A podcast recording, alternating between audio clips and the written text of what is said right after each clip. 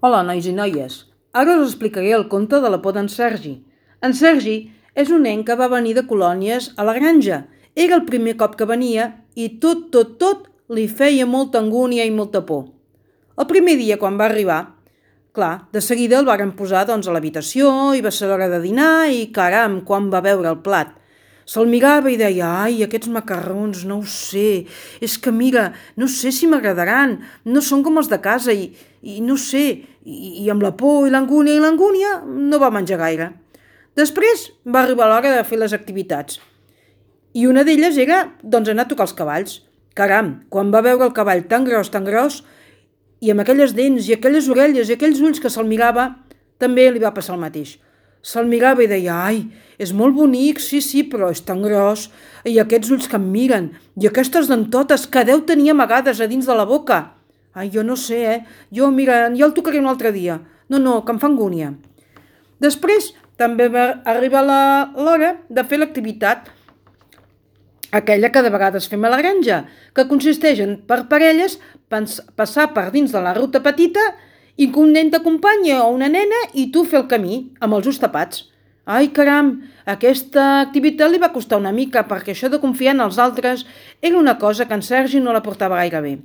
Però bueno, la va fer. Després va arribar, ah senyor, l'activitat que li va costar també bastant, que va ser la de la nit, allò de passejar a les fosques pel bosc. Va agafar la llanterna com els seus companys i es va disposar a fer l'activitat.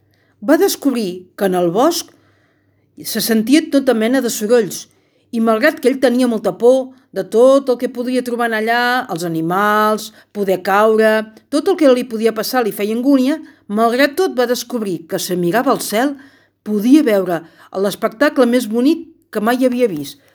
Això el va sorprendre tant que després va pensar que potser s'hauria de donar a si mateix una oportunitat i començar a pensar en les activitats de la granja com un repte i com unes dificultats que podia superar, perquè en aquest moment ell tenia l'ajuda de tots els seus companys i de la monitora. Amb això va començar-se a mirar les activitats d'una altra manera.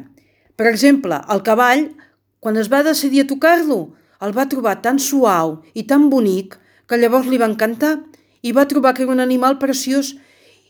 Després va venir l'activitat de deixar-se acompanyar per un, per un amic o una amiga per dins del laberint, aquell que és la ruta petita.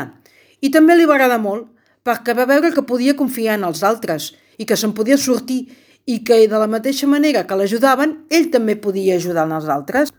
Total, que finalment va trobar el menjar de la, de la granja deliciós.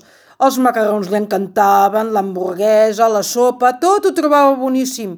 I és que de vegades cal que ens donem una oportunitat a nosaltres mateixos per poder acceptar tot allò que ens passa per dins i a fora de nosaltres també.